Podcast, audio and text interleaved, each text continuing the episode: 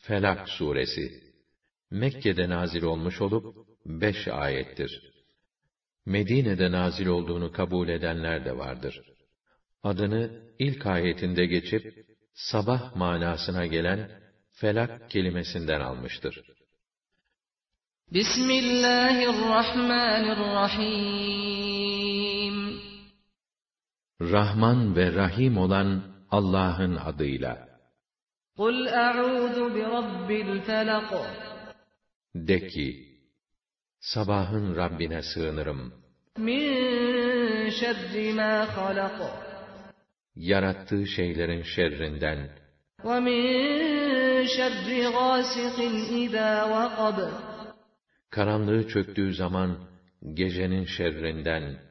Min şerrin neffâthâti fil ukad düğümlere üfleyip büyü yapan büyücü kadınların şerrinden